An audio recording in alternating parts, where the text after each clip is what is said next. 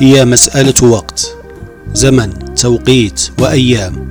هذا ما اعتبره روبن شارما أهم ما يمكن أن يوجد في الوجود. لعبة رملية تنسل بين أصابع الإنسان لتتحرك وفق قياسات شتى بين ميادين متنوعة. الحياة هي الإنسان والإنسان هو الزمان فلا يمكن فصل أي من هذه العوامل عن ذاتها.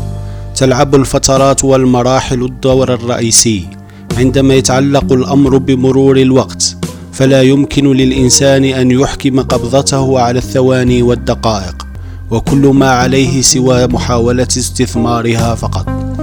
يفتح روبن شارما هذه الآلية على كافة الاحتمالات عندما يجعل مصارع الصومو الخاص به يتعثر بتلك الساعة الذهبية أثناء تجواله في تلك الحديقة. بل إن الساعة تلك هي التي تدل ذلك المصارع على طريق الألماس. ليس لمصارع الصومو فقط القدرة على اتباع طريق الألماس بل لكل إنسان تلك القدرة ذاتها وبشدة عينها كذلك. افتح عينيك ابحث عن ساعتك الذهبية وتابع سيرك نحو طريق الألماس الخاص. حتما ستصل إليه.